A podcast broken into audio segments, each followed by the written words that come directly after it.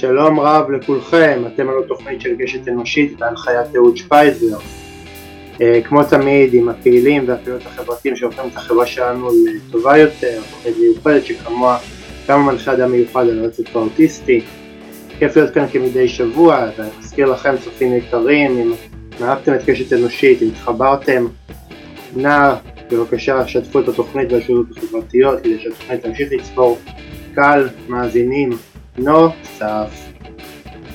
אצל הממשלה המתגבשת אה, שהפכה בימים האחרונים להיות אה, אה, עובדה מוגמרת, צריך לשאול מי ייפגע ממנה, מי כנראה יינזק מההשלכות שלה, וברור שמול גלי ההסתה והסכנה לדמוקרטיה אין ברירה וחייבים לצאת גם עם מסר של תקווה, אופטימיות וחזון.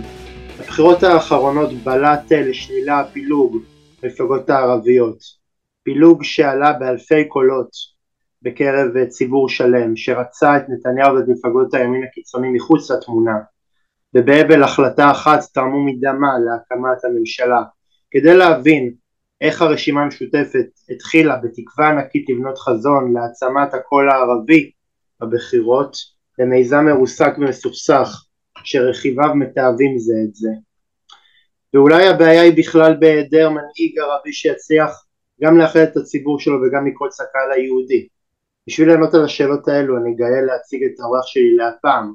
הוא עומד בראש ארגון אה, המרכז הערבי לתכנון אלטרנטיבי, ארגון שמעגן את הצרכים של האוכלוסייה הפלסטינית בישראל בתכנון, אה, בעלות על אדמה ופיתוח, הוא כיהן כעוזר פרלמנטרי של חבר הכנסת אה, חנא סוייד מטעם אה, חד"ש, הוא הוענק לו אה, דוקטור במדעי המדינה מטעם אוניברסיטת חיפה, אותו קיבל לאחר אה, מחקר שהתמקד בסוגיית השיח הפלסטיני כדי לחקור את מצב המיעוטים הלאומיים.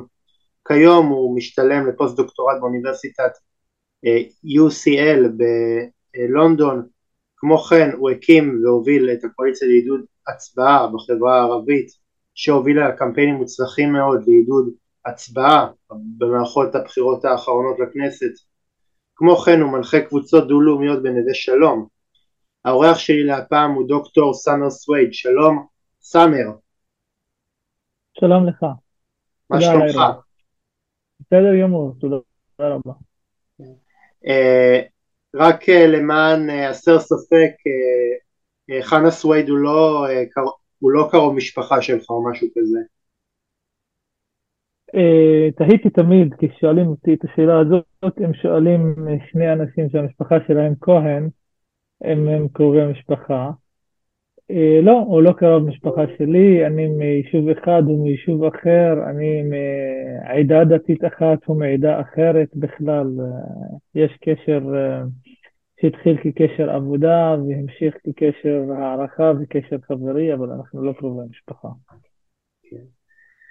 אז סאמר, למעשה נשאלת השאלה, כאילו, עושה רושם שהממשלה אה, היא כבר עובדה קיימת ועושה רושם שמפלגות הימין הקיצוני יחזיקו בתיקים מאוד מאוד מאוד בכירים בממשלה.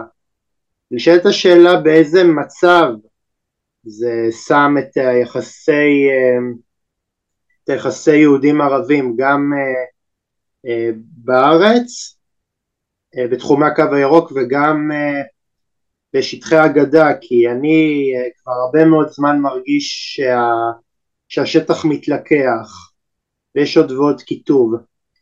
אז רציתי לשאול אותך כבן אדם שהוא מעורב בעשייה הפוליטית, מה, מה דעתך ואיך אתה קורא את המצב הנוכחי? אני לא אופטימי, אני לא, כשרואים את המינויים, את ההסכמים הקואליציוניים, את הסמכויות שמעברות, אה, לסמוטריץ' על השטחים הכבושים ו... ו... ויש המון נקודות, אז אי אפשר להיות אה, אדיש ולהיות, אה, ולא לחשוש מהבאות, ואני חושש, ואני מוטרד מאוד מזה. איך זה יקבל איזה צורה של אינתיפאדה, של זה קשה לצפות כרגע, כאילו איך היחסים, לאן הם יובילו. אבל אני חושב, ואני חושב שהעיקרון הוא כזה, ככל רואים פחות את הציבור הפלסטיני, הציבור הפלסטיני יתקומם יותר. וככל שיש נטייה לא לראות בהם, אה, אה, בנו, כבני אדם שווים, אנחנו נתקומם יותר. וזה מה שיהיה בשנים הבאות. אם אה, יעמיקו פשעי כיבוש ומלחמה והתנחלות וגזילת קרקעות וכל זה, תהיה תגובה. אני לא חושב ש... אני לא יכול להגיד איזה סוג של תגובה, כי כל פלג פלסטיני וכל בן אדם יכול להגיב בצורה אחרת, אבל יש uh, מנעד רחב של תגובות שיכולות להיות לפלסטינים, שאנחנו מכירים אותם, ניסינו אותם בעבר וכולם יודעים על מה אני מדבר. Uh, סאמר, היכן לדעתך ההנהגה של הציבור הערבי כאן בארץ uh, טעתה ואיפה המקום שבו אה, אה, היא צריכה לעשות את אה, חשבון הנפש שלה? תשמע, אני מאמין שפוליטיקאים צריכים תמיד לעשות חשבון נפש. כל פוליטיקאים, לא רק פוליטיקאים ערבים. אני חושב גם ש... השאלה הזאת היא שאלה שמדברת על, או נובעת מתוצאות הבחירות. מכך שגוש נתניהו הגיע ל-64 מנדטים. אבל אם נחזור לערב הבחירות, או לשעה 9:59 לפני פרסום המדגמים של הטלוויזיה, כל מי שהיה חושב שלערבים יהיו עשרה מנדטים, הוא היה בטוח שביבי לא יגיע ל-60.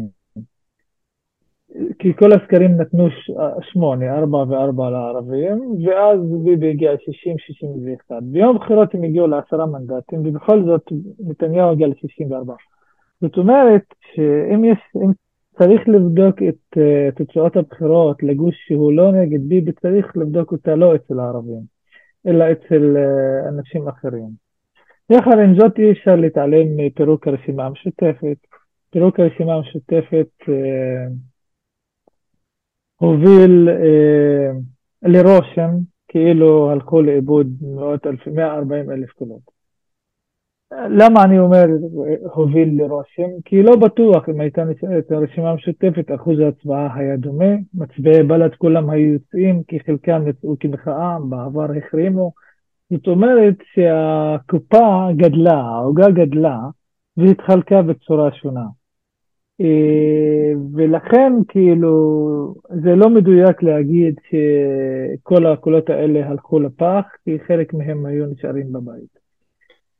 אבל עדיין סאמר, שטעות, כן. אבל עדיין סאמר אה, מיזם אה, באמת שהפיח הרבה מאוד תקווה ובאמת היה הפתעת הבחירות של בחירות 2015 אה, הייתה מפלגה אה, השלישית אה, בגודלה ופתאום המיזם הזה מתרסק ורע"מ נכנסת לממשלה עם בנט ולפיד וסמי אבו שחאדה רץ לבד ולא מצליח לעבור את אחוז החסימה ואיימן עודה שובר מאוד מאוד מאוד ימינה במסרים שלו מה, מה קרה שם? אתה יודע, לטנגו צריך שניים. ואני חושב, אני, אני לא רוצה לסנגר עכשיו ב...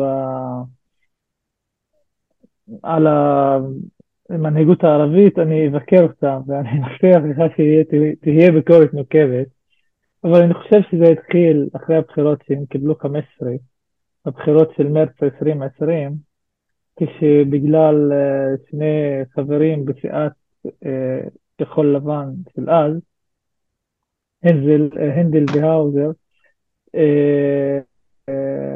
ובגלל אורלי אבוקסיס, גנץ הפנה לגב למנהיגות של האוכלוסייה הערבית. אחרי שהמליצו עליו ל-15, עם 15 מנדטים שכולם, כולל בל"ד אגב, המליצו עליו.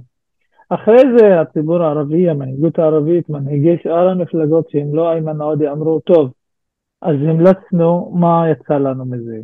אז צד אחד בחר דרך אחרת, מנסור עבאס אמר, אני לא רוצה להיות שוב בצד של השמאל או בצד של הלא ביבי. אני גם אין לי בעיה עם ביבי, אין לי בעיה עם ערכית עם ביבי, אני בכלל ימני, תנועה אסלאמית, תנועה דתית, ימנית, אז אם הם ייתנו לי, אה, אני אהיה איתם. ובצד שני, סמי אבו שחאדה אמר, כולם אותו דבר.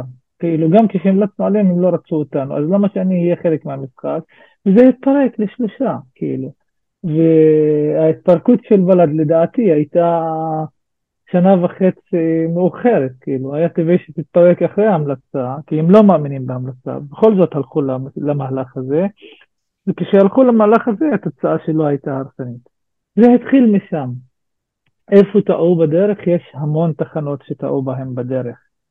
אה, יש לנו נטייה לראות באיחוד של מיעוט כהכרח, כדבר טבעי. אבל זה לא דבר טבעי. החברה הערבית היא חברה מגוונת, זה שני מיליון אנשים, זה לא עשרה אנשים, וטבעי שיהיו הרבה זרמים פוליטיים בחברה הזאת. הלא טבעי היה שכולם יהיו ביחד ברשימה המשותפת, הטבעי שיהיו הרבה זרמים. אבל אני הייתי מצפה כן שיהיה להם מחנה משותף אחד, כאילו קווים אדומים שיסכימו עליהם, שיעשו גור, אה, אה, קואליציה טכנית כזאת, כאילו גוש טכני שירוץ בבחירות ביחד ויתפרק אחרי הבחירות, כמו שעשו אה, יהדות התורה וכמו שעשו עוצמה יהודית, והם לא עשו את זה. אה, ובמיוחד במערכת הבחירות האחרונה, הפילוג עם בל"ד לא היה, היה, היה אפשר למנוע אותו אם הצדדים היו בוגרים יותר, ואני אומר בוגרים כי זה התפרק על דברים ילדותיים. אה, יש פערים אידיאולוגיים בין הצדדים ויש מקום לתת ביטוי לפערים האלה, עם אחוז הצבעה כזה צריך להיות גם אחראי ולא רק צודק. ולפעמים בפוליטיקה ובפוליטיקה הערבית יש נטייה לחלק מהשחקנים לטהרנות פוליטית ולחפש איך להיות צודקים ולשכוח שיש מערכת פוליטית וצריך לצלוח אותה. סאמר, אה, כיצד לכיתוב בחברה הישראלית הייתה תרומה לפירוק ולפיצוי של הרשימה המשותפת אה, בבחירות האחרונות? תשמע, כל השאלה הזאת של המלצה ושל השחקנים, של הערבים שיהיו חלק מקואליציה, לא קואליציה, לא הייתה נוצרת אם לא היה פילוג בחברה היהודית. או אם לא הייתה שאלת ביבי, כן ביבי או רק לא ביבי. כי הרי אה, בין מאז אה, רצח רבין עד הבחירות של אה, ספטמבר 2020, אף אחד לא דיבר על הערבים כחלק מגוש חוסם או מקואליציה. ולפני זה גם אף אחד לא דיבר. היו בסך הכל שלוש שנים בתוך הגוש חוסם בין 92 ל-95. זה חזר כי התגבש לו אה, בלוק נגד נתניהו, שהיו חסרים לו כמה מנדטים ומצאו אותם אצל הערבים. השאלה הזאת אם להסכים או לא להסכים לזה, היא יצרה פילוג בתוך החברה הערבית. אם להסכים להיות חלק מהמשחק הזה או לא להסכים, היא יצרה את הפילוג הזה. זאת אומרת, אה, אם השחקנים שקיבלו את הרוב היו ממרץ ועבודה ויש עתיד מקסימום, נראה לי שהשאלה הזאת הייתה פחות, רלו... פחות מייצרת פילוג. אבל כשיש את ליברמן בפנים ואת סער וכוחות יותר ימניים ולהיות חלק איתם, זה מוביל את המנהיגות הערבית ואת המפלגות הערביות לשאלה באמת משמעותית, עד כמה אני אוותר, ועל זה נוצרו... תראה, אני, תראה, אני חושב שיש uh, במפלגות היהודיות ומי שעומד בראשם גם קצת נטייה לזלזל בנציגים הערבים. עכשיו, אני לא... כאילו, מה, מהשיחה איתך משתמע כאילו אני מבקר רק, אך ורק את המפלגות הערביות, אני ממש לא, אני מבקר גם את המפלגות uh, uh, מה, מהצד שלי, שאתה יודע שהרבה פעמים נוהגות במין פטרונות, במין איזושהי גישה שה, שהפוליטיקאים הערבים הם לכל היותר קבלני קולות, uh, ראו את זה גם ב-99 עם ברק שהוא, שהוקמה בתמיכה של הערבים אבל ברגע האמת ברק לא ספר אותם ו- וגם התמיכה של המפלגות הערביות אה, ב- אה, בהקמת ממשלה שעמד בראשה בני גנץ, ובני גנץ בסופו של דבר נבהל והחליט שהוא הצטרף לנתניהו, זאת אומרת הנטייה היא לראות במפלגות הערביות כאיזשהו לכל היותר קישוט ו- ואני כאילו חושב שבאמת לא היה פה שום דבר אמיתי, גם אה, לפיד אה, כשניסו לקשר אותו לרשימה המשותפת הוא כל הזמן אה, התנער, הוא כל הזמן ניסה לנער גם את השיתוף פעולה עם, עם רע"מ באיזשהו שלב אז אני כן. חושב שה, שה, שהכיתוב הזה ובכל זאת הפוליטיקת זהויות הזאת היא גרמה לאיזושהי פירוק ולאיזשהו תסכול, הרי לא היה פה באמת חיבור אמיתי בין רע"מ למפלגות שהיו בקואליציה. אני מסכים איתך ואני רוצה להגיד עוד יותר, מי שנתן לגיטימציה לרע"מ להיות חלק מהקואליציה זה בנימין נתניהו. אפילו כאילו כשהוא עשה משא ומתן איתם ושלח את מנסור עבאס לדרוקמן וכל התהליך כולם מכירים. אה, וזה נובע דווקא מגישה שביבי יודע דווקא טוב מה הכוח של הערבים, כי הוא, כשהוא נכשל בבחירות, בבחירות שאתה הזכרת ב-99, הוא נכשל בגלל הערבים, כי הערבים אז הצביעו 95% לברק באחוזים מאוד גבוהים, והוא, אה, והוא יודע את הכוח של הערבים.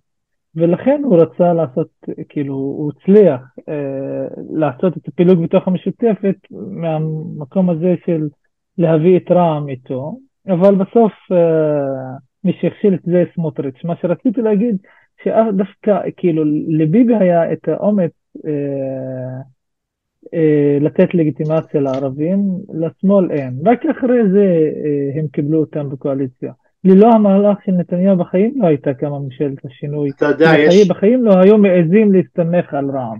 אתה יודע, יש איזושהי אה, אמירה שהיא אפילו במידה מסוימת קלישאתית והיא מכאיבה מרוב שהיא מדויקת, שלימין הכל מותר, אבל אם, אבל אם השמאל אה, יעשה את מה שלימין מותר, אז השמאל אה, ייחשב כבוגד וכעוכר ישראל. זה נכון, אבל זה גם מראה על חולשת השמאל. ושיגידו עליו בוגד. מה, מה קרה כאילו? מה, ש, ש, כאילו ש, שיצא ויילחם על הערכים שלו, ולא יחכה עד שהשמאל ישתכנע בערך מסוים ו, וישווק אותו, שיילחם על הערכים שלו. העניין, שאני... ההבדל, ההבדל כן. היחיד בין שני, בין שני המקרים זה שהימין אה, עושה את אותם מהלכים שהשמאל עושה ולא אכפת, והוא יודע ש... שהשמאל אה, יגנה אבל הציבור הימני עדיין יישאר מאוחד אה, מאחורי הממשלה. ולעומת זאת כשהשמאל אה, יעשה את אותם מהלכים בדיוק הימין יאשים אותו בחוסר נאמנות למדינה ומנהיגי השמאל יפחדו מהתגובה של הציבור אז הם באיזשהו מקום ינסו למסמס או להסתיר את התהליכים שתסכים איתי ש, שאין פתטי מזה א' כל אין פתטי לזה, ב' זה מבוסס על, על עובדות לא, על, על uh, מידע לא נכון. Uh, כי הציבור לא יעזוב את השמאל במקרה הזה. הציבור הוכיח בניסיון של רע"מ, ויש סקרים שנעשו, אני עכשיו לא אכנס למחקרים וכל זה, אבל יש סקרים שנעשו בניסיון עם רע"מ, הציבור תמך בניסיון הזה. לפני זה, כשגנץ חשש, הוא חשש גם בגלל הציבור שלו. אבל בסוף כשזה קרה הציבור תמך בזה והתלהב מזה ומבחינתו מנסור עבאס, ציבור השמאל מרכז הוא הפוליטיקאי הכי אהוד וכל זה, זה לא, זה, זה חשש שמבוסס על, על כלום, על פרופגנדה ימנית. ואני חושב שזה נובע מחוסר, יש הרבה חוסרים, אבל חוסר אמון באידיאולוגיה או חוסר מכנות להילחם על מה שאני מאמין בו. כאילו אם אתה גוש פוליטי שיש לך ערכים, אז תילחם עליהם, גם אם יגידו, גם אם יתקפו אותך, תשכנע את הציבור שלך, זה תפקידך כמנהיג. מה זאת מנהיגות? רק לעשות את הדברים שבאזור הנוחות ולא לצאת, לצאת מאזור הנוחות שלי אף פעם?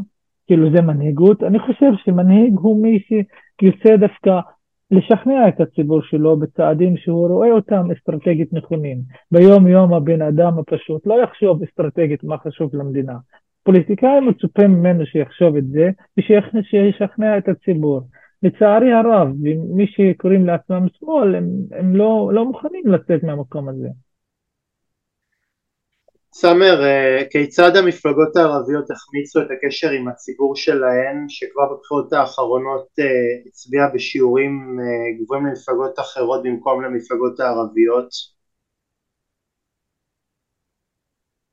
טוב, השאלה מחולקת לשני חלקים, חלק ראשון מדויק, חלק שני לא מדויק. החלק המדויק זה שהם החמיצו את הקשר עם הציבור, החלק הלא מדויק שהערבים הצביעו למפלגות אחרות. הערבים ברובם 86 אחוז הצביעו למפלגות, לשלוש המפלגות הערביות. רק 14 אחוז הצביעו למפלגות הציוניות, שזה אחוז מאוד נמוך, יחסית גם לעבר. הבעיה שכן, היה צריך לשכנע אותם, היה צריך לעשות גוואלד, היה צריך אה, לעשות קמפיינים מאוד מוצלחים שאני גאה שהובלתי אחד מהם לעידוד הצבעה. אה, ורק עם כל זה 55% יצאו להצביע, נתון שהוא גבוה ממה שהיה משוער אבל נמוך מהציבור הכללי. יש בעיה בכל העולם בקשר בין הציבור למפלגות, זה ידוע, ואם תבדוק כל מפלגה בעולם זאת בעיה שסובלים ממנה. אצל הערבים עוד יותר, בגלל שהמפלגות תרמו ליצירת ציפייה מאוד גבוהה. גם רע"מ, כשנכנסו לממשלה, הבטיחו שמחר בבוקר יפתרו את כל הבעיות של הערבים, ולפני זה, כשאיימן עודה הוביל את המהלך של ההמלצה על גנץ, הוא הבטיח שהמהלך הזה יוביל לפתירת הרבה בעיות של הערבים. לא זה קרה ולא זה קרה. אה, בנוסף, כאילו המהלך של רע"מ היה מהלך שהוא, אה, אני יודע את הדעה כלפיו, אבל אני חייב לציין שהוא היה מהלך שמבחינת הציבור אה, ויתור מאוד גדול, ויתור על זהות לאומית, על מנת לקבל זכויות אזרחיות, זכויות יומיומיות, ואנשים אף על פי זה לא ראו תוצאות. כאילו אתה מעלים את המילה פלסטין. מנסור עבאס בנאום המפורסם שלו לא אמר את המילה פלסטין, אתה מוותר על זהות לאומית, ובכל זאת, שזה דבר ש-70% מהציבור מתנגד אליו, אבל גם ה-30% שהלך עם מנסור עבאס, בכל זאת האלימות נמשכה, אחוזי הפשיעה הגיעו לשיאים בזמן ממשלת השינוי והיום לצערי הם ממשיכים. ואנחנו נגיע לאותם מספרים של שנה שעברה. זאת אומרת שהתוכניות שדיברו עליהן לא עבדו. עכשיו, אני לא אהיה פופוליסט, אני יודע שאלה תוכניות שלוקחות זמן, תוכניות בתחום התכנון ובנייה שהובילו, תוכנית ממשלתית 550, בהרבה תחומים, אלה תוכניות שלוקחות זמן. אבל הממשלה, ממשלת השינוי, לא השכילה לעשות מהלכים שהם לא לוקחים זמן ורואים מיד, והצענו להם, כמו למשל תיקון חוק קמיניץ. חוק קמיניץ זה חוק בתכנון בנייה של אכיפת בנייה של הריסת בתים. זה תיקון שעושים את התיקון היום, מחר בבוקר זה משתנה, ושבעת אלפים אנשים שמקבלים צווי הריסה לא יקבלו צווי הריסה לבתים שלהם. לא עשו את זה בממשלת השינוי כי שקד טרפדה את זה. עוד משהו שכאילו, יש, הר, יש הרבה מהלכים שהיה אפשר לראות אותם, וממשלת השינוי, אה, לא יודע מה המניע שלה, אבל... אני תמיד טוען לא... שהממשלה, אני תמיד טוען שממשלת השינוי הזאת. אה, אה, כמה שזה אולי נשמע אה, אה, נחמד ברמת החשיבה אה, האוטופית, זאת הייתה ממשלה שאפילו במובן מסוים הייתה אפילו ימין על סטרואידים, רק שבין הרכיבים שלה לא היו את הכהניסטים, והיא הייתה, היא ידעה להגיד את אותם מסרים שהימין הישראלי משמיע, הימין הכהניסטי משמיע, אבל בצורה יותר אה, רכה. בפועל המדיניות תשמע, הייתה אותה מדיניות. מבחינת ציבור ערבי, וזה דבר שאני מנסה להסביר להרבה אנשים והם לא מבינים אותי, דרעי כשר פנים יותר טוב משקד. שקד הייתה שרת פנים שסירבה לחתום על צווי הרחבת תחומי שיפוט שזה בסמכותה ותקעה את כל היישובים הערבים מבחינת התפתחות לשנה וחצי. דרעי היה עושה את זה. לפני ש... כי הוא היה שר פנים בעבר ויש ניסיון איתו. אלקין בתור שר שיכון הקפיד יותר לעבוד על נטיעת אה, יערות קק"ל בנגב, במקומות שמתוכננים יישובים לא מוכרים, או במקומות שכן נמצאים אנשים, ולא הקפיד על מכרזים או על תוכניות מותאמות לאוכלוסייה הערבית, ליישובים הערביים. ומה אני אגיד לך, אתה יודע הרי, ואתה הזכרת את זה, כל העניין של ההתנחלויות, כאילו, כל העניין של אה, שטחי C והפיתוח שהיה שם בזמן ממשלת השינוי. אף על פי זאת, אני חושב שהממשלה הזאת הייתה עדיפה לממשלה הבאה עלינו. אבל אני לא, כשאני מסביר לך, כאילו, וזאת שאלה טובה, כי בקרב הערבים עכשיו, ברגע הזה, עדיין יש אדישות כלפי הממשלה החדשה. והאדישות הזאת נובעת בכך ש... שהאכזבה כל כך גדולה מהממשלה הקודמת, שאנשים אומרים, אז מה יקרה? יהיה כאילו, מה, מה יכול להיות גרוע? עכשיו, אני יודע שיכול להיות גרוע, כי אני רואה שזה לא סתם עוד ממשלה, זה ממשלה פשיסטית, ואני חושב שאנחנו, כאילו, יש בחקיקה כבר, בתיקוני חקיקה המוצעים, חוקים שמתאימים למשטרים פשיסטיים וכל זה, וזה יהיה יותר מסוכן ממה שהיה קודם, ואני מצטער על כך שזאת הממשלה שהולכת לקום, אבל אני כן מנסה להסביר את תחושות הציבור שלא רואה כל כך הרבה הבדלים נכון לרגע הזה, כמה ימים לפני הקמת הממשלה, בין, ה...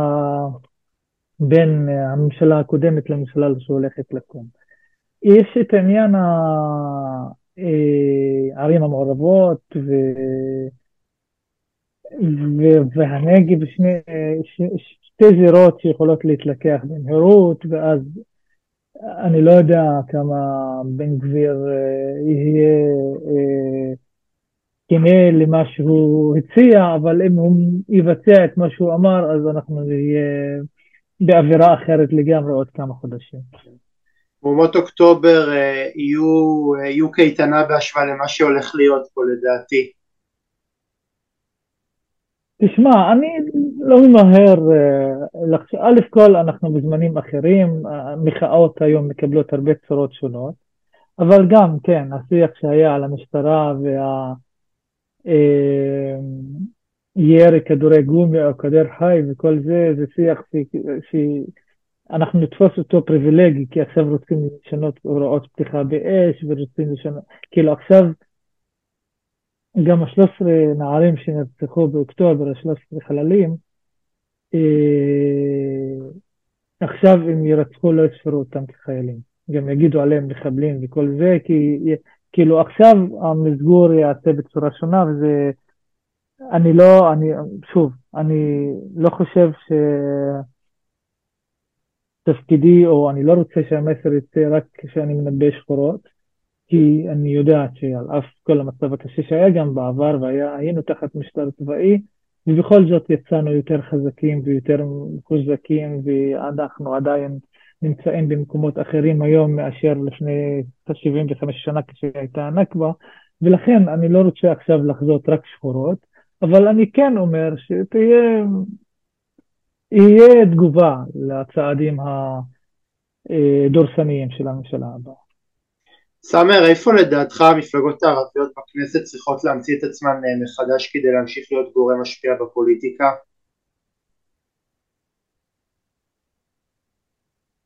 אני לא רוצה, אה, אני חושב שצריך, אה,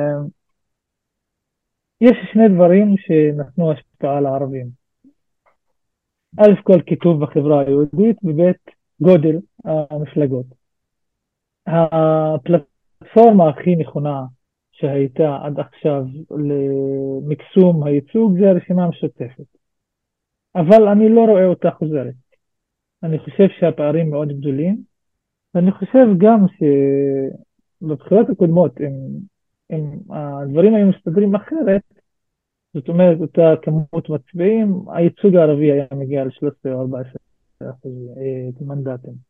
זאת אומרת שלאו דווקא בפלטפורמה של רשימה משותפת יש כאן אה, ערובה, להגד... אפשר להגדיל את הכוח גם ללא רשימה משותפת.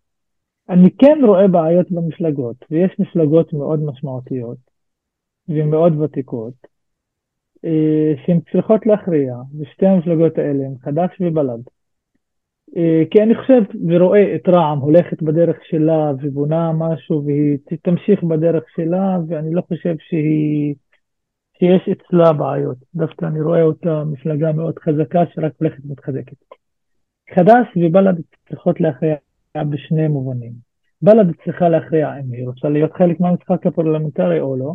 אם צריכה להיות חלק מהמשחק הפרלמנטרי, היא צריכה להיות פחות טהרנית, לדעת שצריך מידה של פרגמטיות כדי להיות חלק מהמשחק.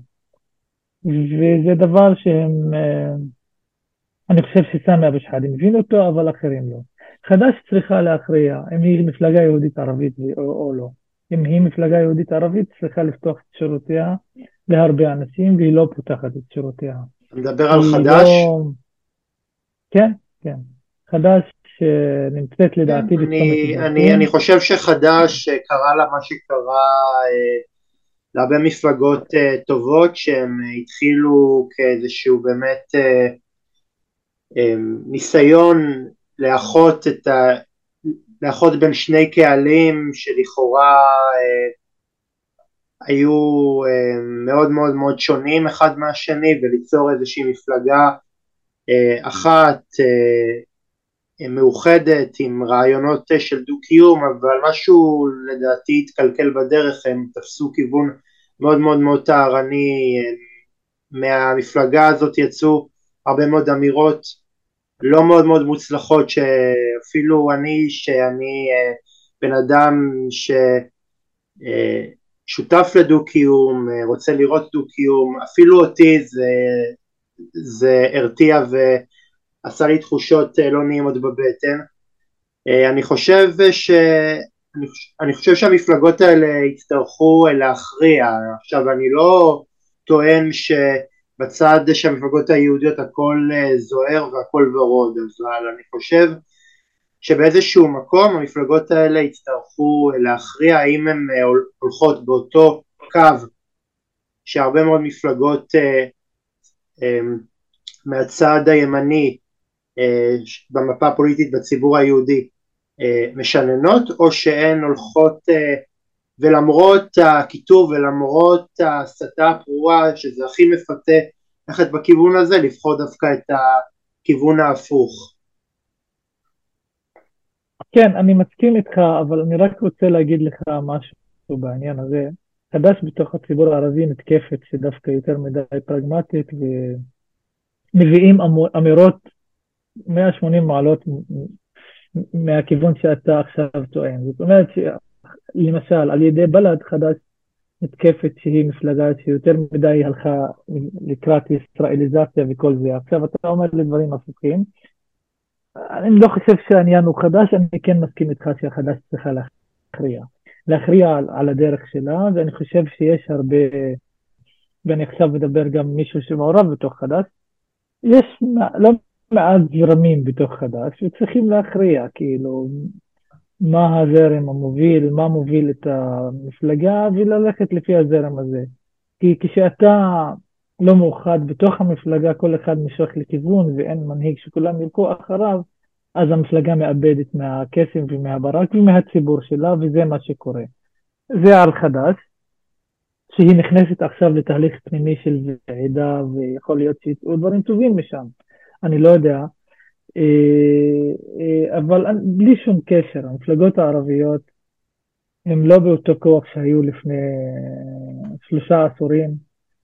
אה, הם איבדו קשר עם הציבור, הם פינו מקום לעמותות חברה אזרחית, הם פינו מקום להרבה גורמים אחרים, והם צריכים להמציא את עצמם מחדש. והאמת, אני חושב שכל המפלגות כל הזמן צריכות לחשוב על זה. ואם לא חושבים על זה כל הזמן, באמת מאבדים את הציבור. בעולם היום יש הרבה מפלגות שנעלמות. כי גם הקשר עם הציבור השתנה. היום במקום כיכר העיר יש את הפייסבוק ואינסטגרם וטוויטר. ויש הרבה דרכים שמפלגות צריכות להמציא את עצמם, להמציא את עצמם כל הזמן מחדש. ואני חושב שלא חושבים אסטרטגית במפלגות הערביות על זה. וממשיכים לעבוד באותן טקטיקות שעבדו לפני 20 ו-30 שנה, ומצפים לאותן תוצאות, והתוצאות שונות. וזה אחד הדברים שאני חושב שהם בעוכרן של המפלגות הערביות.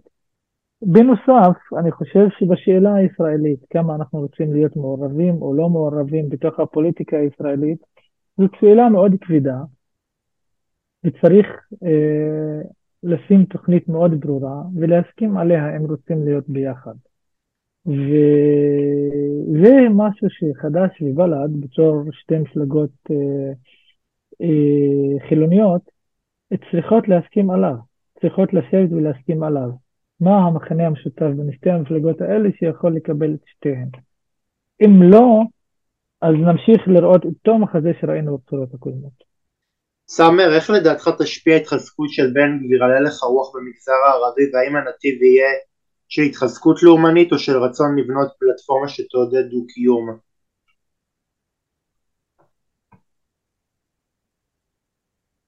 לא, זה לא... אני לא אחדש משהו אם אגיד שבדרך כלל לאומנים מחזקים לאומנים בצד השני. זה משהו ידוע גם במקומות אחרים בעולם. אה, חלק מההטבעה של צעירים ערבים לבל"ד הייתה כמחאה גם נגד בן גביר ונגד העלייה של בן גביר. אה, ואני לא משווה כמובן בין שני הצדדים, אני חושב שבל"ד מפלגה מאוד לגיטימית, בן גביר הוא טרוריסט, זה מה שאני חושב.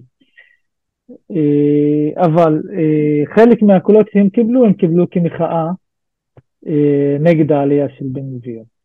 ואני לא חושב אם המחאה הזאת תלך לבל"ד, או תלך לייאוש, או תלך לישיבה בבית, או תלך למסגרות חדשות של צעירים, או תלך ליותר הקצנה ויותר הקצנה, וחברה של צעירים לגורמים בשטחים הכבושים. אני לא יודע לאן זה יוביל, אני לא יודע גם מה בן גביר יבצע בפועל. אבל אני חושב שתהיה תגובה. זה לא, אין ואקום כאן, והערבים לא, לא ישבו כמו... אה, בת יענה וימשיכו ללכת, לא, הם, הם יגיבו לפעילות כזאת. אני, אני יכול רק להגיד שלהערכתי, כשיש, כשיש הקצנה, אז uh, אתה יכול לנקוט בשני דרכים, או שאתה uh, שוקע עמוק יותר ברגשים, ברגשות uh, של דכדוך ושל uh, חוסר אונים, או שאתה יוצא לפעולה. וזאת שאלה שאני כרגע קטונתי מלחזות אותה, כי אני, כי אם הייתי פרשן פוליטי הייתי עושה את זה בשמחה, אבל אני לא, אז אני כרגע אשפוט לפי המציאות. אני חושב ששני הקהלים, גם, ה, אה, גם הציבור הפלסטיני וגם הציבור היהודי, הולכים לאיזשהו מקום של הקצנה. ולדעתי הדרך היחידה לצאת מהקצנה למרות שהיא לא קלה היא יותר קשה אבל היא מתבקשת זה לנסות למצוא למרות חילוקי הדעות שנראים תאומיים בין שני הקהלים למצוא את המכנה המשותף. זה לא פוליטי זה, זה הרבה יותר קשה מלצאת החוצה ולזעוק אה, סיסמאות אבל אה, זה דבר שהוא מתבקש ואני מאוד מאוד אשמח לראות בין ה... בין המוחים אה, נגד הפרת אה, הזכויות של הציבור הפלסטיני כאן בארץ, גם, אה, גם ציבור יהודי. אני מסכים איתך לגמרי, אני גם זו הדרך שלי בחיי היום יום שלי, אני גם חזרתי השבוע מדרום אפריקה, הייתי בסיור לימודי שם ולמדתי על אפרטהייד ואני אומר לך שבתקופות הכי קשות צמחו הדברים הכי אופטימיים כאילו. אחרי עימותים ואחרי הרג של מאות, בדרך כלל צמחו יוזמות אה, משותפות של שחורים ולבנים. אני חושב שכדי שערבים ויהודים יאבקו ביחד צריך לנס... למצוא אה, את הנושא המשותף, והנושא המשותף הוא הכיבוש ונגד הכיבוש, ולא כל נושא אחר. לצפות מהערבים היום לצאת ולהפגין נגד זכויות קהילה להט"בית, או נגד בית המשפט העליון, או נגד כל מיני דברים ליברליים שאני תומך בהם. אני אישית תומך בהם. זה לא, יש בעיה, וכל הפוליטיקה הערבית, הפוליטיקה בישראל נמצאת סביב הבעיה הזאת, זה בעיית הכיבוש שצריך לסיים אותה. סביב זה ניתן ליצור מחנה. מי שרוצה לבנות מחנה עם הערבים ולא להתייחס לזה, אני חושב שהוא לא יצליח.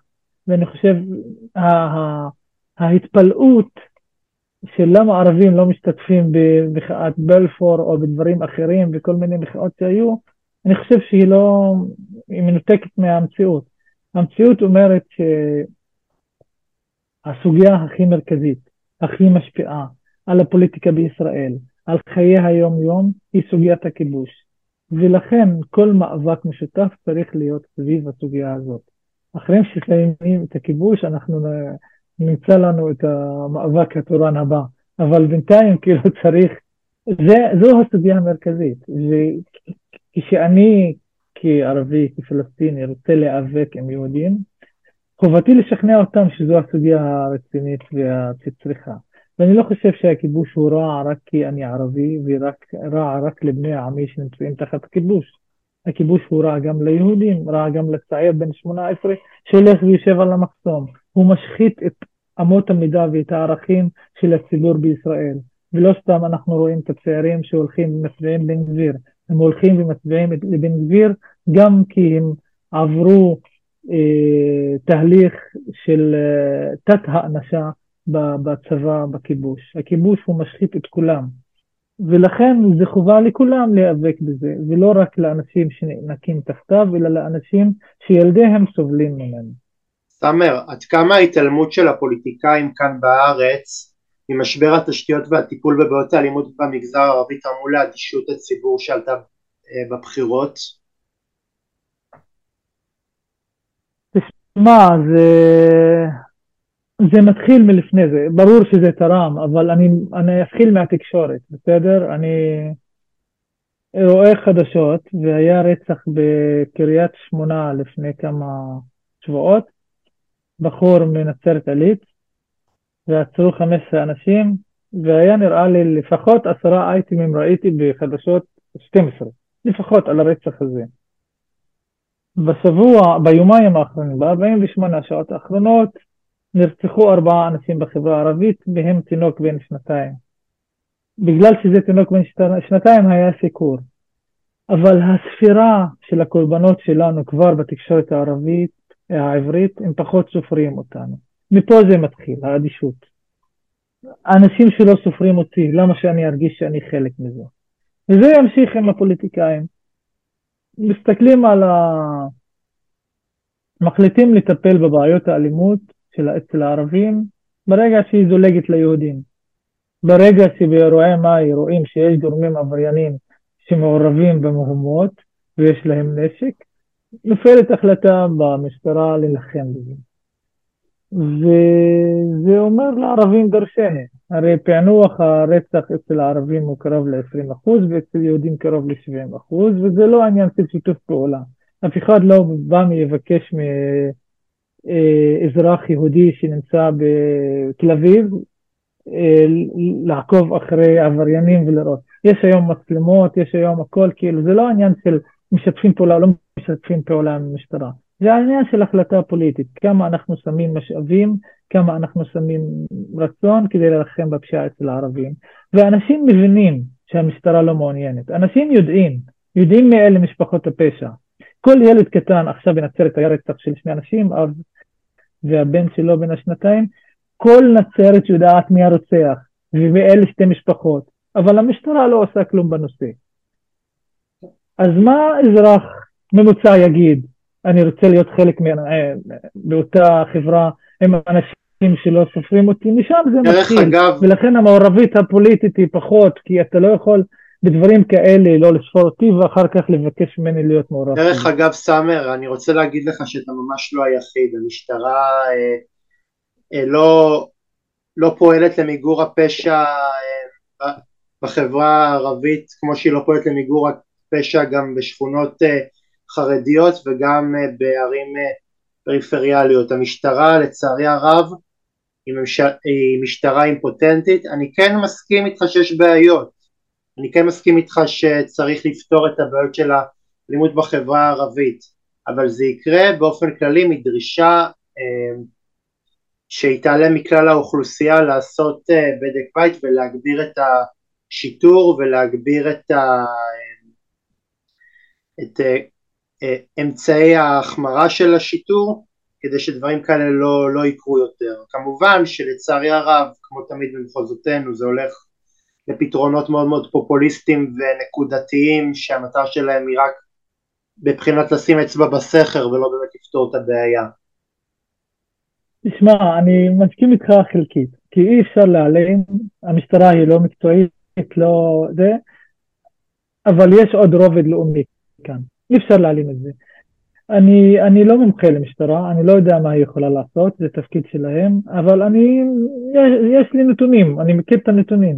פענוח רציחות בחברה היהודית זה 70 אחוז, בחברה הערבית זה 30 אחוז. אלה הנתונים. אני גם נע, כשהייתי נער לפני איזה 20 שנה, זוכר את משפחות הפשע בנתניה, ואני זוכר את המלחמה ביניהם, ואני זוכר שהעיר הזאת, היה, היו אומרים לנו, אל תיכנסו לנתניה, זאת עיר מאוד מסוכנת. והמשטרה נלחמה בזה, והיום נתניה היא מהערים הבטוחות בישראל. למה אני אומר את זה? כי אני חוזר על הנקודה הזאת, כשיש רצון פוליטי אפשר למצוא דרכים. אני לא איש משטרה ולא מומחה בעניין למצוא את הדרכים איך לעשות את זה, אבל ברור לי שאפשר לעשות את זה. זאת הנקודה. עכשיו, מה המניעים והם לא בסדר במגזרים אחרים, אני, אני יודע.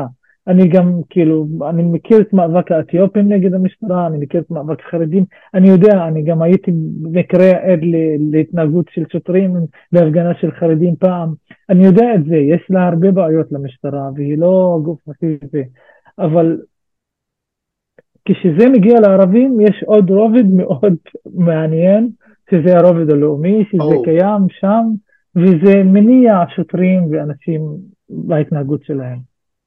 סאמר, כיצד המתיחות אה, בגדה המערבית מהווה רכיב בשקלול ההצבעה ברחוב הערבי?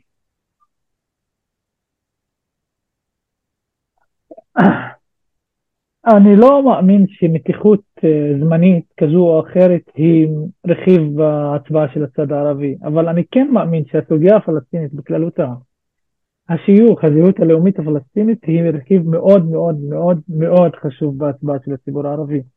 נוטים בדרך כלל לשאול בסקרים, והרבה חוקרים והרבה שנים אומרים לנו שהערבים לא מתעניינים בכיבוש ולא מתעניינים בסוגיה הפלסטינית, ואני חושב, ואני עכשיו מדבר בכובע של חוקר, שזה שטויות. כי, לא שואל, כי כשאתה שואל את הבן אדם שאלה, מה הדבר הכי מעניין אותך, אז הדבר הראשון שהוא יחשוב על הבית שלו, על המשפחה שלו, ולכן ידבר על פרנסה, ידבר על תכנון ובנייה, ידבר על סוגיות יומיומיות. אבל כשבן אדם מצביע או לא מצביע, אין ספק שכל מי שרוצה השפעה, ורק השפעה על ענייני יום-יום, כאילו, היה טבעי שיצביע למנסור עבאס. כי מנסור עבאס עשה, הלך עם זה עוד צעד, נכנס לממשלה וכל זה. ובכל זאת מנסור עבאס קיבל 30 אחוז, 31 אחוז מאלה שהצביעו אצל הערבים. 69 אחוז לא הצביעו למנסור עבאס והצביעו לדרך מנוגדת. למה? כי בשקלול שלהם יש שם את הזהות הלאומית הפלסטינית.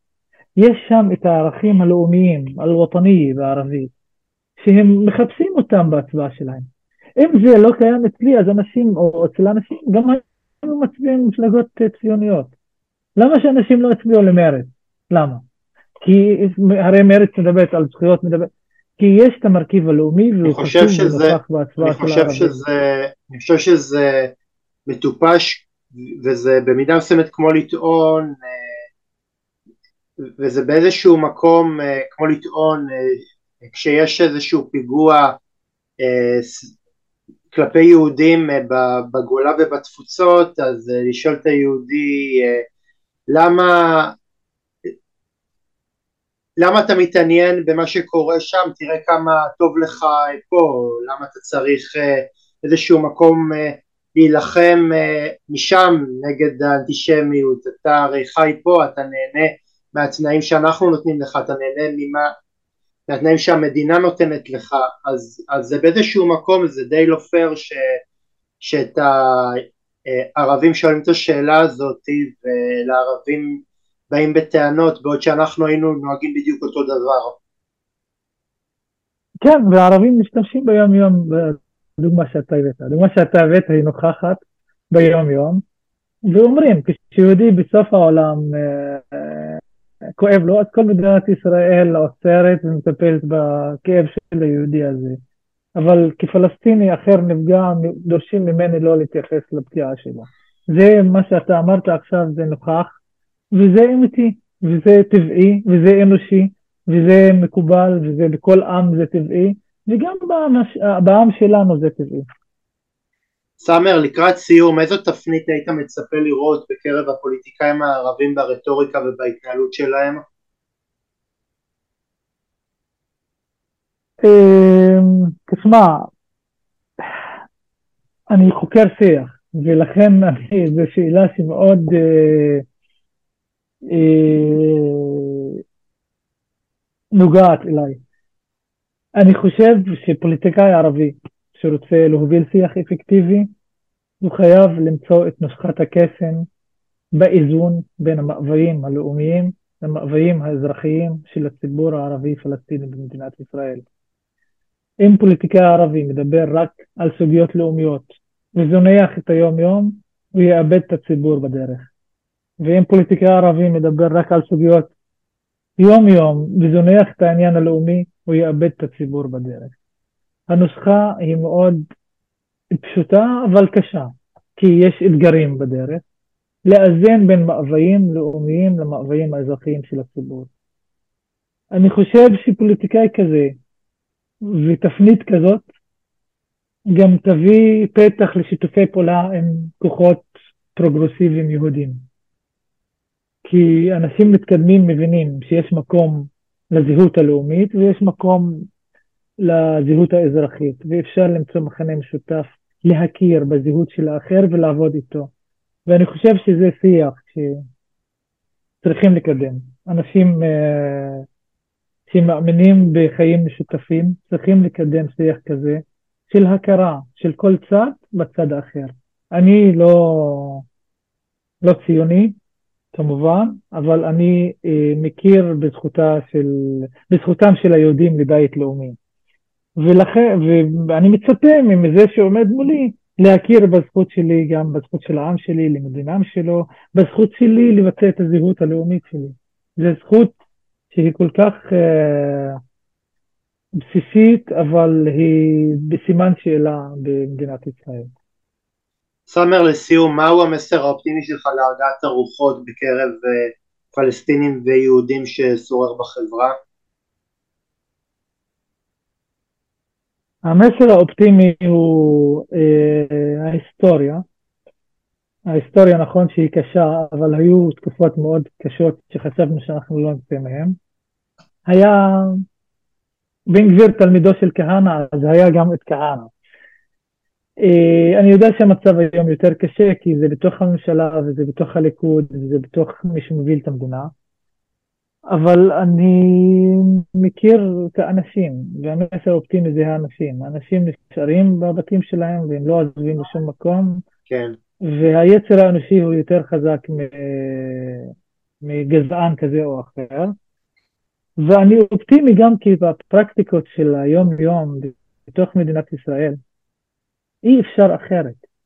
כאילו זה או ביחד או מתפרקים, כאילו.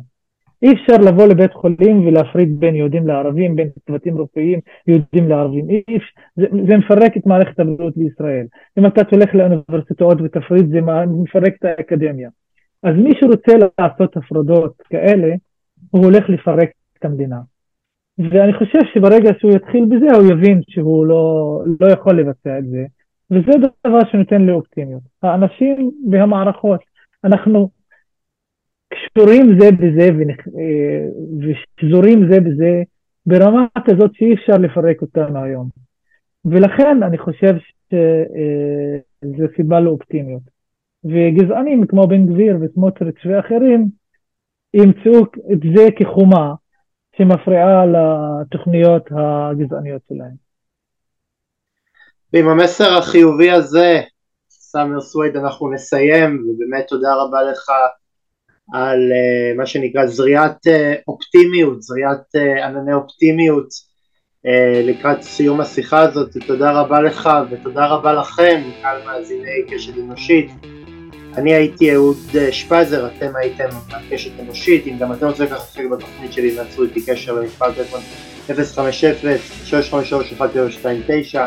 באופן גם למייל, אהוד שפיזר, שטודל.קום. תודה רבה לכם, חג שמח ולהתראות.